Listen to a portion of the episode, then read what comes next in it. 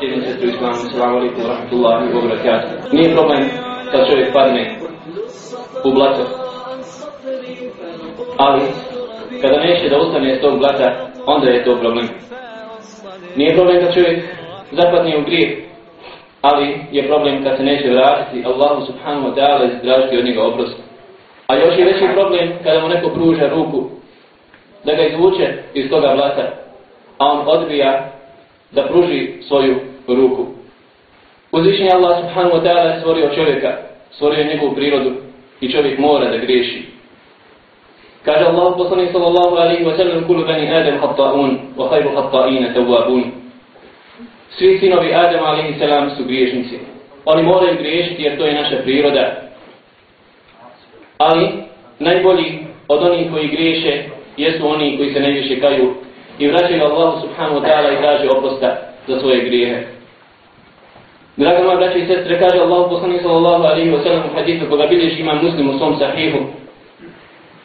لو لم تذنبوا والذي نفسي بيده لو لم تذنبوا لذهب الله بكم ورجاء بقوم يذنبون فيستغفرون الله تعالى فيغفر لهم Kaže Allah poslanik sallallahu alaihi wa sallam, tako mi onoga u čoj ruci, moja duša. Kada vi ne biste griješili Allahu subhanahu wa ta'ala, Allah bi vas uništio. Allah subhanahu wa ta'ala bi vas odveo sa ovog svijeta. Ne biste živjeli na ovoj planeti. Pa bi došao sa drugim narodom koji će griješiti Allahu subhanahu wa ta'ala pa da bi Allah azza wa jal primao njihovi sihfar i opraštao im njegov njihove grijehe. Zašto? Ima više mudrosti. Zašto bi Allah subhanahu wa ta'ala uništio narod koji neće da griješi? Pa bi zamijenio taj narod i doveo drugi narod koji će griješiti. Prvo, da bi se ispoštovala mudrost Allaha subhanahu wa ta'ala jer Allah azza wa jalla stvorio ovaj svijet i doveo nas koji ćemo griješiti i mora se ispoštovati odredba Allaha subhanahu wa ta'ala. Druga stvar, kako bi mi, draga moja braća i sestre, mogli shvatiti imena Allaha azza wa jalla kao što je Al-Ghaffar. Kako bi se moglo ispoljiti svojstvo Allaha subhanahu wa ta'ala da je on taj koji prašta grijehe kada mi ne bismo griješili. Kako bi se mogla ispoštovati, ispoljiti Allahova subhanahu wa ta'ala milost kada mi ne bismo griješili. Zato kaže Allah subhanahu wa ta'ala wa inni la gaffaru liman tab. Ja sam gaffar. Ja sam onaj koji grije prašta. Ja sam onaj koji prelazi preko loših postupaka čovjeka i sakriva ih. Na taj način se ispoljava Allahu subhanahu wa ta'ala ime Al-Ghaffar. Ispoljava se Allahu subhanahu wa ta'ala osobina da je on taj koji prašta. Draga moja braća, ako znamo ovu stvar, onda nećemo gubiti nadu Allahu subhanahu wa ta'ala milost. Međutim, prije nego što počnemo govoriti oko toga, moramo spomenuti jednu veoma bitnu činjenicu. Moramo spomenuti da čovjek koji počini grijeh, da čovjek koji počini grijeh, taj grijeh direktno utiče na njegovo tijelo. Direktno taj grijeh utiče na njegovo srce.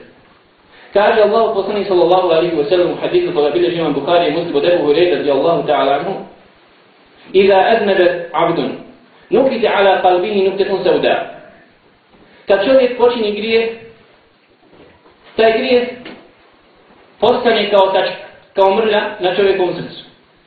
I malo pomalo malo pomalo, kad nema istikvara, kad nema traženja oprosta od Allaha subhanahu wa ta'ala, kad nema čišćenja, preovladava taj grijeh. I grijesi dok ne nadvladaju potpuno čovjekovo srce. Pa kaže Allah poslanik sallam, to je ono što je Allah subhanahu wa ta'ala rekao u Kur'anskom ajetu, kjer bel rana ala kulubihim. A? Na njihovim srcima se nalazi rana. Na njihovim srcima se nalazi zastor koprena. Tako da takav čovjek više nema života u sebi. Ne može više razlikovati dobro od zla. Dobro postaje zlo, a zlo postane dobrim. Otuda, kaže jedan od islamskih učenjaka, pokušavajući nam prikazati da može čak grije uticati na izgled lica, na izgled čovjekovog tijela, kaže jedne prilike izašao sam u čašću. I slučajno sam pogledao u ženu koja je bila razgoličena. Kada sam se vratio kući, rekla mi je moja žena, što ti tako crno lice? Braćo, Zapamljite ovu stvar. Gdje direktno utiče na čovjeka. Direktno utiče na njegovo lice. Kao što i baret utiče na čovjekovo lice također. Pa vidite čovjeka koji pada Allahu subhanahu wa ta'ala na srždu, kako nur i svjetlo izbija iz njegovog lica. Vidite čovjek koji obavlja noćni namaz, posebno noćni namaz kako kažu islamski učenjaci, da Allah subhanahu wa ta'ala da mu svjetlo na lice, na izgled, na facu njegovu. Pa kaže ovaj učenjak, kada sam se vratio u kući, žena mi je rekla, zašto ti je tako crno lice? Pa sam otišao u sobu, odvojio se i tražio sam oprost od Allaha subhanahu wa ta'ala. Činio sam istih par, dok mi nije lice ponovo bilo onako prije nego što sam otišao u čašiju. Kaže Muhammed ibn Munkadir, rahmetullahi alaih, ja počinim grije i plod i produkt toga grijeha ja vidim na svojoj ženi, vidim na svojoj djeci. Čim čovjek nađe problem u kući na takav jedan način, čim ima problema u braku, čim ima problema sa djecom, treba da pita, treba da se zapita ima li kakvih grijeha. To je bila poruka Muhammeda ibn Munkedira, jednog od velikih učenjaka od koga imam Buharija uzimao hadis. Ako znamo ove stvari, onda iz toga mora proizaći, draga moja braća i sestre, da moramo čistiti svoje tijelo, da moramo čistiti svoje srce, a nema puta do čistoće tijela, do čistoće srca i do čistoće duše, do istighfara, traženja, oprosta od Allaha subhanahu wa ta'ala za naše grijehe. Međutim, čovjek koji ima grijeha, a svi smo takvi, zna pasti u razošarenje. Ponekad se stidi Allaha subhanahu wa ta'ala. Ponekad osjeti strah od uzvišnog Allaha azze wa jel. Pa mu teško da padne Allahu na srđu da zaplače, da zatraži oprost za svoj grijeh. Kaže jedan pjesnik, كيف أدعوك وأنا عاص وكيف لا أدعوك وأنت كريم Kako da ne tražim oprost od tebe kada si ti plemenit, a s druge strane, kako ću te moliti kad imam toliko grijeha? Ove dvije stvari su veoma bitne, kada je u pitanju traženja oprost od Allah subhanahu wa ta'ala. S jedne strane znaš da si mnogo griješan, do s druge strane znaš kako ne moliti Allah subhanahu wa ta'ala kada je on plemenit. Oto da Abdullah ibn Mas'ud radijallahu ta'ala mu kaže najradosniji ajet u Kur'anu, u kojem se nalazi najveća radosna vijest, jeste kur'anski ajet Kul ja ibadi alladina srfu ala anfusihim, la taqnatu min rahmatillah, inna Allah yakfiru dhunuba jami'a. O moji robovi koji ste se ogriješili o mene, koji ste učinili nasilje, a? nemojte gubiti nadu Allahu subhanahu wa ta'ala milost, Allah je taj koji prašta svoj grije. Ovo je najradosniji ajet, kako kaže Abdullah ibn Masud radijallahu ta'ala. Pa ako znaš ovaj kuranski ajet, onda iz toga mora proizađe da se vratiš Allahu subhanahu wa ta'ala i da zatražiš oprost za svoj grijev. A šta je istikvar? Šta je to istikvar? Ali, sin, ta, u arabskom jeziku označavaju da čovjek traži nešto. Tražiš gufran. Šta je gufran? Kažu islamski učenjaci, gufran u arabskom jeziku označava sakriti nešto i prekriti. To je razlika između teobe i istighfara. Teoba znači vraćanje Allahu subhanahu wa ta'ala. A istighfar je sasvim nešto drugo. Traženje da ti Allah subhanahu wa ta'ala pokrije i sakrije tvoje sramote, tvoje mahane, tvoje grije. Otuda, pancir ili oklop koji se stavlja na glavu u arabskom jeziku zna, se zove milfer, od riječi kufran. Jer on sakrijeva i pokriva čovjekovu glavu. To je razlika između oprosta Allah subhanahu wa ta'ala i oprosta ljudi. Čovjek ti može oprostiti hak svoj, ali ostaje opet, ako ništa, ako ništa, ostaje neka tačka kod njega, nešto zaboraviti. Oprostio ti, halalio ti Ali isto kao ekser koji si zabio možda u zid ili drvo. Može ga izvaditi, ali ostaje mrlja. Ne može čovjek to prijeći na takav način. Za razliku od haka, Allaha subhanahu wa ta'ala, koji kad ti oprosti grijeh, više zapamti nema nikakvog traga tog grija. Čovjek koji se ogriješi u dunjalučki zakon, ode u zatvor. I može izaći za počinjenje grije iz zatvora. Ali ostaje do sije. Ostaje zapisano da si počinio to i to. Za razliku od grija koji počinje tom Allahu subhanahu wa ta'ala. Drago moj braćo, nema do sija. Na sunnjem danu Allah subhanahu wa ta'ala će približiti svoga roba i stavit će ga iza zastora. Odvojit će se Allah subhanahu wa ta'ala sa svojim robom i pričat će sa njim Niko od prisutnih. od čitavu dunjanu da koji budu stajali na sudnjem danu, neće čuti tvoj razgovor između tebe i tvoga gospodara. Pa će reći Allah subhanahu wa ta'ala, ja abdi, alam tefal keda wa keda fi jevmi keda wa keda. O moj robe, zar nisi uradio to i to, to i to, to i tog dana? Pa će čovjek reći, jeste, moj gospodaru. Neće raspravljati. Jer ko bude raspravljao na sunnjem danu sa Allahom subhanahu wa ta'ala, man nuqiše faqad uzrib. Ko se bude branio, i ko bude diskutovao, i ko bude polemisao, i ko se bude na takav način pokušao opravdati. Kaže Allah, poslanik sam bit će kažnjen. Nema rasprave, nema priče. Pa će reći rob, jeste moj gospodar, jeste, uradio sam. Pa će Allah subhanahu wa ta'ala posjećati na njegove grije koje radio.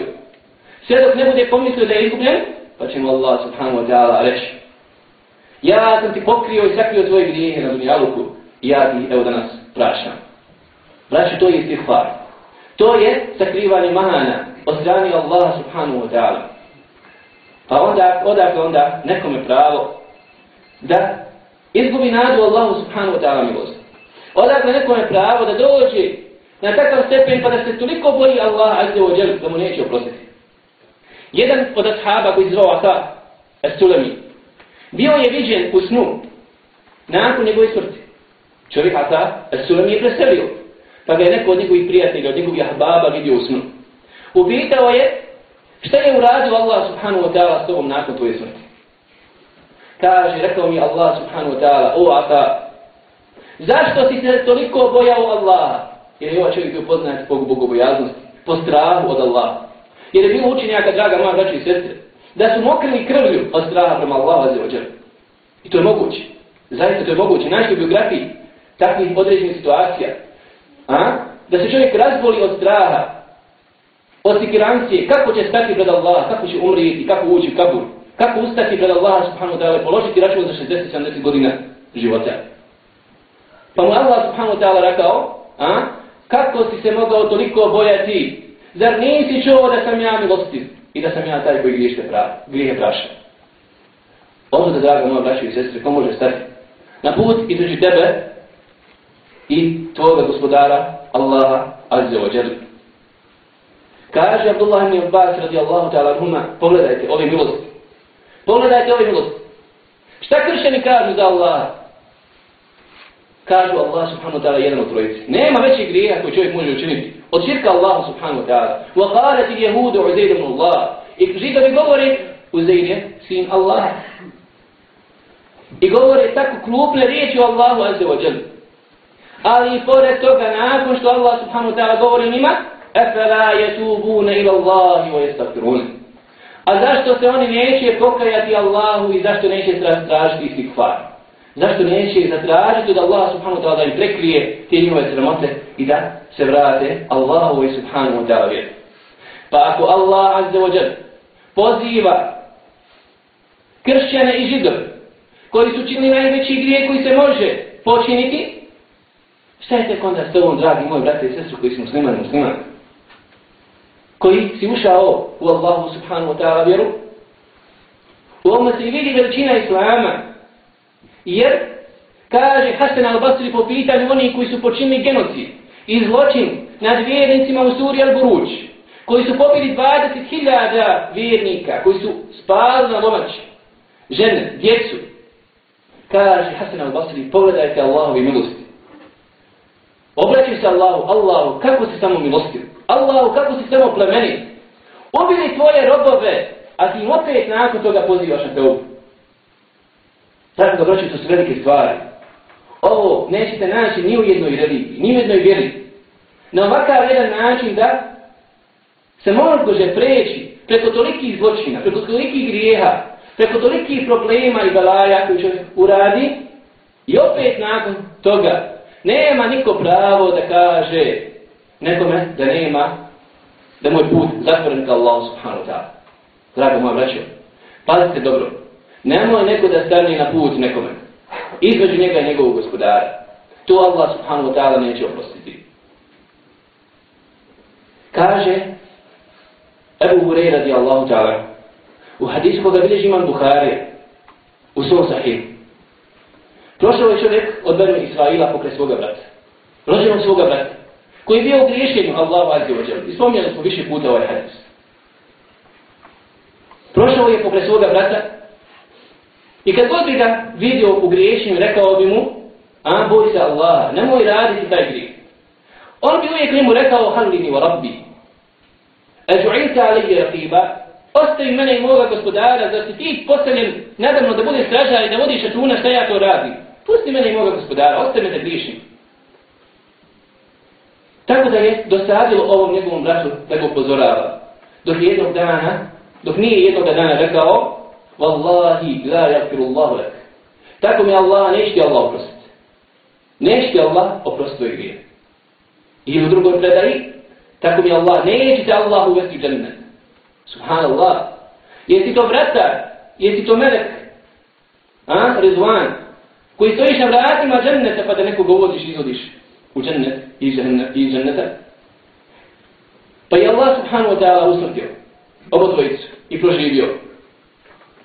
Kaže Allah subhanahu, kaže Allah poslanik sallallahu alaihi wa sallam. Je uzvišnji Allah azza wa jel rekao ovome čovjeku koji se na ovakav jedan način obhodio prema svome bratu, što mu je rekao? E ala ma fi jedi je kadira. Jesi li ti u mogućnosti da uradiš ono što je samo u mojim rukama? Odakle ti pravo da se stavljaš na mjesto Allah subhanahu wa ta'ala? Ko je taj ko vodi čovjeka u džennet i komu zaprečava put do njega? Allah azze wa džel. Ko je taj ko može čovjeka staviti u džennet? Niko drugi do Allah azze wa džel. Zar si ti taj koji ćeš se staviti na to mjesto? To je izjednačavanje sebe sa Allahom azze wa džel. A to Allah će vam već uprostiti. Ovo me je rekao prastiti grije i uđi u džennet, a ono mi je rekao uđi u džahnem. Braćio, to su velike stvari. Nemojte se stavljati između Allah azze wa jel i njegovog, njegovog roba. Vi znate ko je bio Hadžaž, ibn Yusuf? Čovjek koji je poznat kao krvolog, koji je pobio hiljade muslimana, koji je ubio mnogi ashabe, koji je napravio veliki belar u historiji, za koga kaže imam zahebi u dijelu tjera alaminu belar. On ima dobrih dijela, ali njegova dobra djela se brišu i tope u moru, u okeanu grija. Toliko ima grija. Ali i pored toga, Hasan al-Basri, koji je bio njegov suvremenik, koga čak Hadžač htio ubiti, pazite, kada je doprla do njega te oba Hadžača, prije sami smrti, šta je rekao? Kaže Hasan al-Basri, ni na čemu ne zavidim Hadžaču do dvije stvari. Prva stvar, zbog njegove velike pažnje prema Kur'anu. Mnogo je volio Kur'an, bio je hafiz Kur'ana. Iskušenje, draga moj braća, hafiz Kur'ana, tolike zločine, tolike belaje počinio u historiji Islama. I zavidimo na njegovom, na njegovoj ljubavi prema Kur'anu. I druga stvar na koju mu ja zavidim, jesu njegove riječi koje su čuli ljudi koji su bili pokraj njega, kada je učinio te ovu pred samu smrt, rekavši, Allahu oprosti mi. Allahu oprosti mi. Jer ljudi govore kako mi ti nećeš oprostiti. Taj ko se može staviti između mene i mojeg gospodara? Ba se obzira što sam uradio. Ko je taj ko može doći u situaciju i da mi kaže da mi Allah subhanahu neku stvar neće prositi? Niko drugi dragi moj brat. Osim Allah azze wa jale, koji upućuje kad te obi onoga ko on hoće i daje mu snagu da učini korak i da se vrati njemu i njegovom pravom putu. Kaže Allah poslanik sallallahu alaihi wa sallam govoreći o vrijednosti stihvara, govoreći o važnosti i veličini traženja oprosta od grijeha koje čovjek svakodnevno čini. Kaže Allah poslanik sallallahu alaihi wa sallam Ma min abdi yuznibu zanben Nema ni jednog groba koji će počiniti grijeh. Summa yakum Summa yaktasu Fa yakum Fa yusadi rakatim Illa yakiru Allahu lehu Nema ni jednog groba koji će počiniti neki grijeh. Zatim se ode okupati, to je propis. Ode se okupati. Zatim ustani klanja dva rakijata Allahu subhanahu wa ta'ala i zatraži oprost za taj grijeh, a da mu Allah neće oprostiti taj grijeh. Tri stvari. Kupanje, čistoća, tijela, nakon toga namaz dva rekata, i nakon toga traženje oprost od Allahu subhanahu wa ta'ala iz tih stvari i nema nijednog grija da mu Allah subhanahu wa ta'ala neće oprostiti. Ovdje želim spomenuti jednu obitu stvar. Prije par dana sam čitao jednu mudrost koju islam učenje spominju kada je riječ o istikvaru. Kažu pohvalno je uvijek prilikom traženja oprosta za svoj grijeh da čovjek učini tesbih Allahu azze wa. Šta je tesbih? Veličanje. I češće je Allaha od svih manjkovosti i krnjavosti. Da čovjek kaže subhanallah. Gdje je dokaz za to? Imate mnogo dokaza. Da je pohvalno i da je lijepo. Da čovjek u milostivi svoga gospodara Allaha subhanahu wa ta'ala učeći mu tesbih, veličajući ga, izražavajući mu riječi slave i hvale na takav jedan način. Kaže Allah subhanahu wa ta'ala فنادى في الظلمات أن لا إله إلا أنت سبحانك إني كنت من الظالمين وأنت أرحم الراحمين فاستجبنا له Pogledajte Yunus a.s. koji je bio utrobi ribe, koji se ogriješio svoj narod, koji se ogriješio svoj narod, kada je zatražio oprost za grijehe svoje, za svoj grijeh koji je počinio, šta je uradio? Pohvalio je Allah subhanahu wa ta'ala takav jedan način. Subhanak, inni kuntu min al-zalimin. Uzvišen si ti i visoko od svega onoga što mi pripisuju, nema drugog Boga, nema drugog božanstva osim tebe, a? ja sam onaj koji se ogriješio prema tebi. I nakon toga Allah šan kaže, feste džernalehu, i mi smo mu se odazvali i primili smo njegovu teoku, primili smo njegovu istihvar. Allah najbolje zna. Tražio sam baš jutro oko nekih stvari, ti, da vidim, ima li još negdje to što islam slučajno spominju. Pogledajte, drago moja braću, na seždi. Čovjek uči Subhana Rabbi al-Azim, odnosno Subhana Rabbi al-Ala, jel tako, tezbi. Zatim propisano je sunet Allah poslanika sa svem da čovjek kaže Subbuhan kudusu Rabbi al-Malaikiti wa ruh. Opet tezbi, Allah za ođel. Nakon toga se vraća između dvije sežde, što uči? Rabbi spiruli, Rabbi spiruli. Razumijete, traži oprosta svoje grije. Tako da taj predaj između dvije sežde, nakon što veliča Allah subhanahu wa ta'ala seždi, vraća se i traži oprost od Allaha subhanahu wa ta'ala za svoj grijeh. A zamislite tek šta je onda? Da čovjek zatraži oprost za svoj grijeh na seždi, gdje kaže Allah poslanik sa svojim akrebu ma je kunu abdu min rabbihi fi suđud. Najbliži čovjek, najbliži rob biva svome gospodaru gdje? Na seždi. I kad se spoje ovo poniženje, Allahu, Allahu azze wa jel, kad se spoji poniženje riječima, kad se slomi čovjekovo srce, progovori to srce, progovori oči i čovjek zaplaće Allahu azze wa jel, draga moja braća. Ne bojte se onda čuditi što Allah azze wa jel kaže "Ulaike yubedde Allahu sejiatim hasanan. To su oni. Čija su mi loša djela, šta? Preokrenuli i pretvorili dobra djela.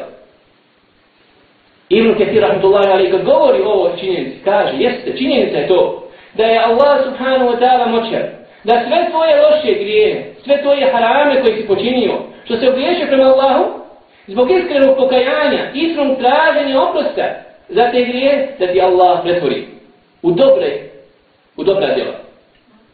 Braćo, Allah subhanahu wa ta'ala se može, Allah što mu kaže, Allah je ti njima, a zamijenio loša djela dobrim djelima. Ali, to se vraća, kako kažeš i Islami u temije, na jačinu te obe, na jačinu pokajanja, Pa imate ljudi koji kad god se sjeti svog grija koji je počinio u životu, osjeti strah, srce mu se slomi, rastuži se, zaplaši. Nije isti, dragi moj brat i sestro, taj koji se tako obudi prema svome grijevu koji je počinio. I onaj koji nema možda takvo osježavljenje i tako jaku teobu, tako veliki ste hvala. Ljudi se razlikuju tome. Sjećate se onog prili, onog slučaja, Majza ibn Malika Resnimije, koji je počinio blud u vremenu poslanika sallallahu alaihi sallam. Došao je Allah poslaniku sallallahu i rekao Allah poslaniće, ja sam počinio blud. Pa je poslanik sallallahu alaihi wa okrenuo glavu od njega na drugu stranu, jer je brzo da čuje takvu jednu stvar, takvu jednu ružnu djelo. Pa mu prišao sa druge strane isto, Allah poslaniće, ja sam počinio blud. Pa je poslanik sallallahu alaihi wa okrenuo glavu na drugu stranu. Dok nije četiri puta tako rekao. Posvjedočio protiv sebe. Nakon što je izvršena kazna nad njim, širija se kazna, Allah poslanik sallallahu alaihi sallam, znate što je rekao? Tako mi Allah pokajao se tako jakom teobom, teobom. Kada bi se ta teoba podijela na čitav umet, bila bi dovoljna. Znači, ko ima pravo da stane između čovjeka i Allah subhanahu wa ta'ala? Sjećate se one žene koja je zvala Allah Medije, koja je došla sa djetetom, djetetom koje je počinula sa kojim je, koje je rodila iz nezakonitog, nešidijatskog braka. Došla do poslanika koji se nam isto tako rekao što očistima Allah poslaniče, misleći izvršavanje kazne i tako dalje. Pa nakon što je učinja širija se kazna nad njom, Rekao je Allah poslanik sallam Halid mu lidu, koji je počeo da je vrijeđa. Rekao je Halid, nemoj da je vrijeđaš. Nije na doba, kada bi se podijelila, bila bi dovoljna za sve stanovnike Medine. Draga moja braću, ljudi se razlikuju u jačini teobe po pitanju svoga grijeha. Ali ono što je veoma bitno u svemu tome, jeste da niko nema pravo stati između čovjeka i Allaha subhanahu wa ta'ala. Kaže Allah poslanik sallallahu alaihi wa sallam, من قال لا إله إلا الله لا إله إلا الله الحي القيوم وأتوب إليه أستغفر الله الذي لا إله إلا هو الحي القيوم وأتوب إليه ko bude rekao ovo stotinu puta u toku dana i noći, bit će mu oprošteni šta? Svi grijesi. Sigris. Pa makar imao kao pjene na moru. A u drugoj predaji, pa makar pobjegao sa bojnog polja. U drugoj predaji također došlo da je poslanik sallallahu alejhi rekao ovo ashabima da kažu da kažu 70 puta.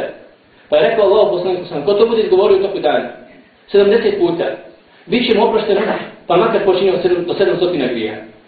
A propao je svako onaj ko bude počinio u toku dana i noći više od 700 grijeha.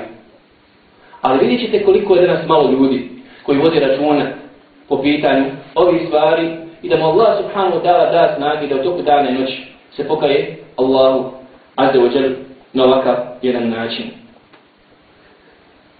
Znaj, dragi moj brate i sestro, da problem tvoji na pake, kad osjetiš krizu u materijalnom smislu, kad osjetiš oskudicu, da ti Allah subhanahu wa ta'ala na, na baku, obskrbu. Znaj da to veoma lahko može biti u vezi sa tvojim grijehom. Jer Allah subhanahu wa ta'ala zabrani i zapriječi na paku tebi zbog grija koji počiniš. Kaže Allah poslanik od sallam, وَإِنَّ الْعَبْدَ لَيُحْرَمُ رِزْقَ بِسَبَبِ ذَبِ أَصَابَ Allah subhanahu wa ta'ala zapriječi na paku čovjeku i ne da mu obskrbu zbog grija koji on počinio. Od da je došla predaja. Men istakta ar-rizq فيكثر من الاستغفار Ko vidi da mu se smanjila napaka, ne nastoji što više tražiti oprosta od Allaha subhanahu wa ta'ala za svoje grijehe. وَمَنْ أَصَابَهُ الْغَمُّ وَالْهَمُّ فَلِفْكِهْ مِنَ التَّكْبِيرِ A koga zatrepi i zadesi tuga i nevolja, kad osjetiš te dobu u srcu svom i nasikiraš se, rješenje za tvoje tuge jeste u tekbiru, da kažeš Allahu akbar. Druga predaja koju bilježi vam mi, došla je obratno. Došla je u obrnutom smislu. Ko osjeti manjkavost u napaki, u napasi, neka šta čini tekbir. A koga zadesi tuga i nevolja, sikirancija, neka traži oprosta za svoje grijehe od Allaha subhanahu wa ta'ala. Dragi moj brat i sestru, treba da znaš da čovjek dok je u istihvaru, dok se kaje za svoje grije, dok traži oprosta od Allaha subhanahu wa ta'ala, ima sigurnost od Allahove kazne. Allahova kazna može biti na razni način. Znaj da si u sigurnosti Allaha azza wa jal dok budeš tražio oprosta, dok budeš činio istihvar Allaha azza wa jal. Šta je dokaz za to? Kažu ashabi Allahu poslanika sallallahu alaihi wa sallam, bili smo u sigurnosti da Allah neće poslati na nas kaznu, Sve dok je Allah poslanik sallam bio prisutan sa svojim tijelom među nama. Gdje je dokaz?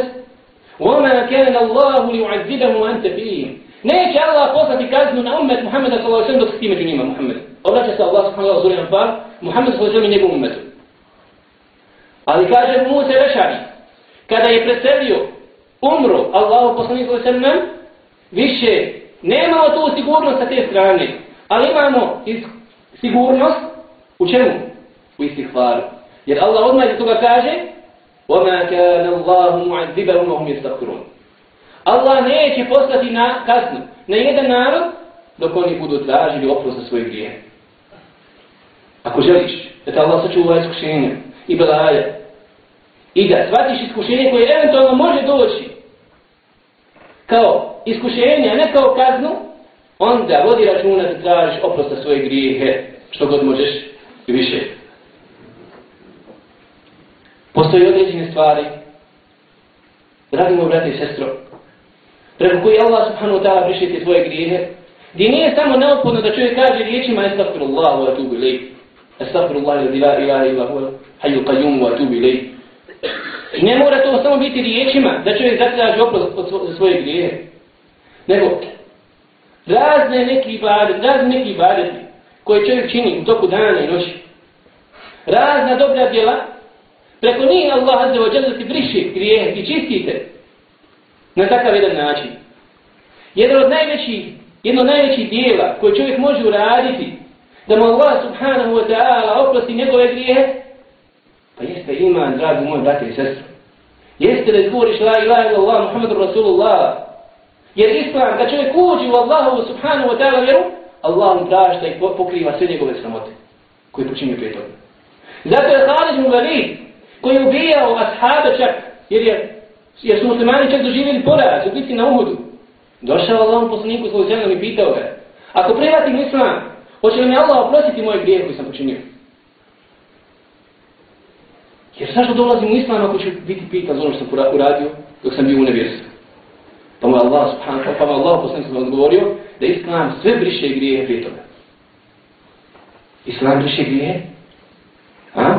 Sve koji je počinio čovjek prije nego što je ušao u Allah subhanahu ta'ala vjeru. Zato kažemo, to iman koji imaš sa sobom u svome srcu i u svojim djelima, u svojim riječima, treba da znaš da je najveći uzroka preko koji ti Allah subhanahu ta'ala prašta tvoje grije. Namaz.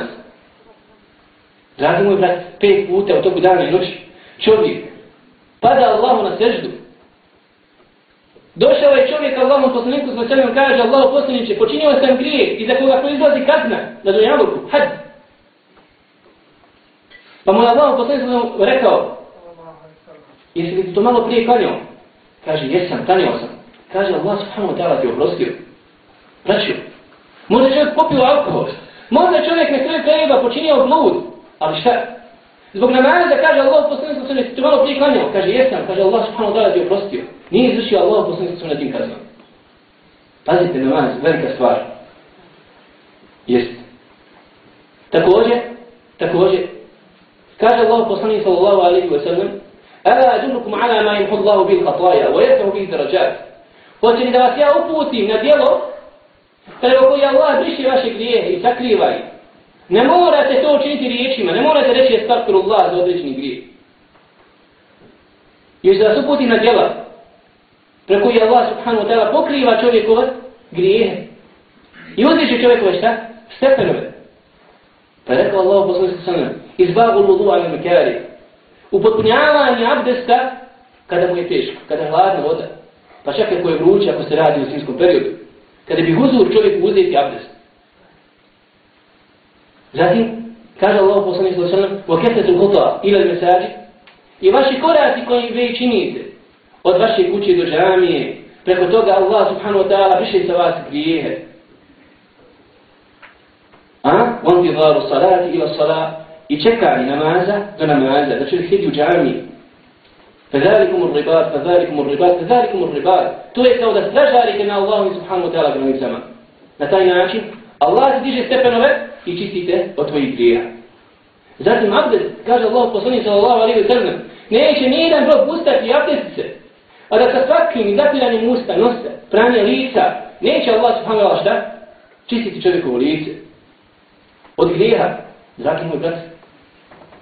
Pazite, oto da Allah ne bude znao, Oto da Allah poslanik sa se nije pisao nakon abdesta. Nije upotrebljavao peškir.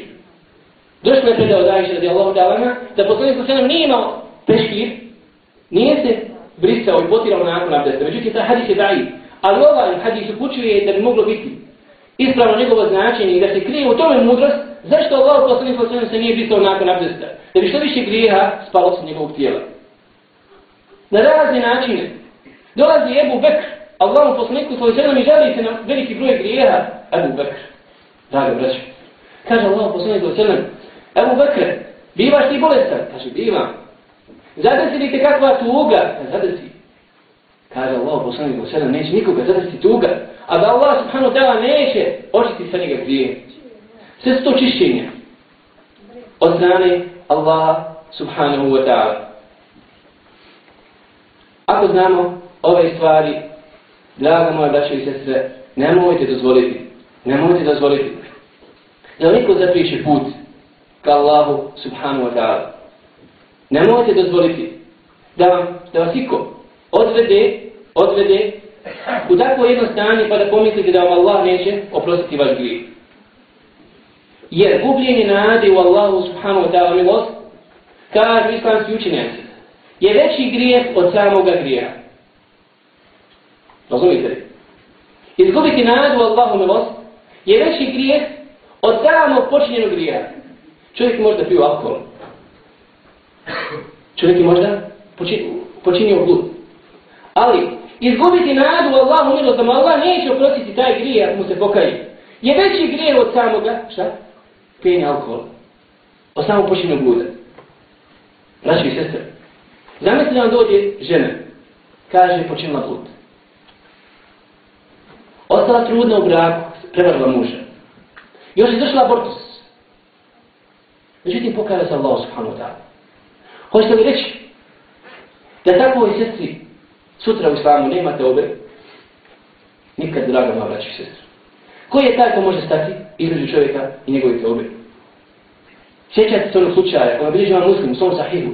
Čovjek koji je kupio 99 ljudi i onda na kraju pobožnjaka stotu, kad nema za njega te obe. I na kraju šta? Allah subhanahu wa ta'ala poslao meleke rahmeta koji su izmjerili. Izmjerili mjesto. Pošto budu kaže hadis ne možemo shvatiti, ali na kraju, na kraju, Allah subhanahu wa ta'ala mu je oprostio sve ti njegove grijehe. Ako je Allah subhanahu wa ta'ala oprostio onoj bludnici od Benu Israila grijeh, zbog toga što je napojila cuku, dragi moj brate, šta je tek onda s tobom koji činiš tako velike ibadete poput namaza, poput Ramazana, posta, poput davanja zekata, poput mnogih drugih ibadeta, zašto onda da padneš, da padneš u očaj, gdje očaj, sam kažemo, je veći od samog počinju grija. I na kraju da spomenem kao primjer ove, činje, ove činjenci, slučaj Ibn Kudame, odnosno Kudame Ibn Madona, radi Allahu ta'ala anhu, Kudame Ibn Mazun, jedan od ashaba koji živio u vremenu poslanika sa Ocelna, koji je bio učesnik Bedra, učesnik bitke na Uhudu. On je nakon smrti Allahu poslanika sa Ocelna vremenu Omeru Hataba pogrešno sebi shvatio određen jedan kuranski ajet. I počeo da pije alkohol. Počeo je da pije alkohol. Jer je pogrešno ga razumio, pogrešno je shvatio taj ajet. Pa je pozvao Omer Muhatab Ali ibn Vitalibu da, Ali ibn Vitaliba da se posavjetuje sa njim šta da uradi. Pošto on živi u Šamu, a Omer je bio u Medini. Kaže, Omer pozovi ga, neki dođe i vidi zbog čega pije alkohol. Ashab Allah poslanika svoje selim drago vraća. Ali pogrešno sebi protumačio ajet, pogrešno shvatio Allah propis. A? Pozovi ga u Medinu pa vidi zbog čega on pije alkohol. Pa ako, ako bude negirao tu, tu zabranu, a? postup po širijatskom propisu. Ako bude čovjek pogrešno shvatio, treba mu oprostiti. I kada je došao u Medinu, nakon što porazgovarao na Hatab sa njim, vidio je o čemu se radi, da je pogrešno shvatio kuranski ajet i tako dalje. Međutim, kada se vratio ovaj ashab ponovo u Šam, zakovo je u razočarenju, zakovo je veliku tugu, počeo je da misli da mu Allah subhanahu ta'ala neće oprostiti to što je radio. Jer nakon smrti Allahu poslanika, nakon tih velikih dijela koju radio, pomislio da mu Allah neće oprostiti. Pa mu je Omer ibn Khattab napisao pismo. To što si pio alkohol je jedno od velikih dijela.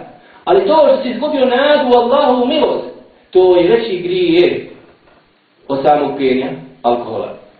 Molim uzvišu da Allah subhanahu ta'ala draga nam vraćao zaista da shvatimo ove stvari, da shvatimo zaista veličinu Islama, i da se vratimo Allahu subhanahu wa ta'ala vjeri da nas očisti Allah azza wa jalla od naših grijeha. Aqulu qawli hadha wa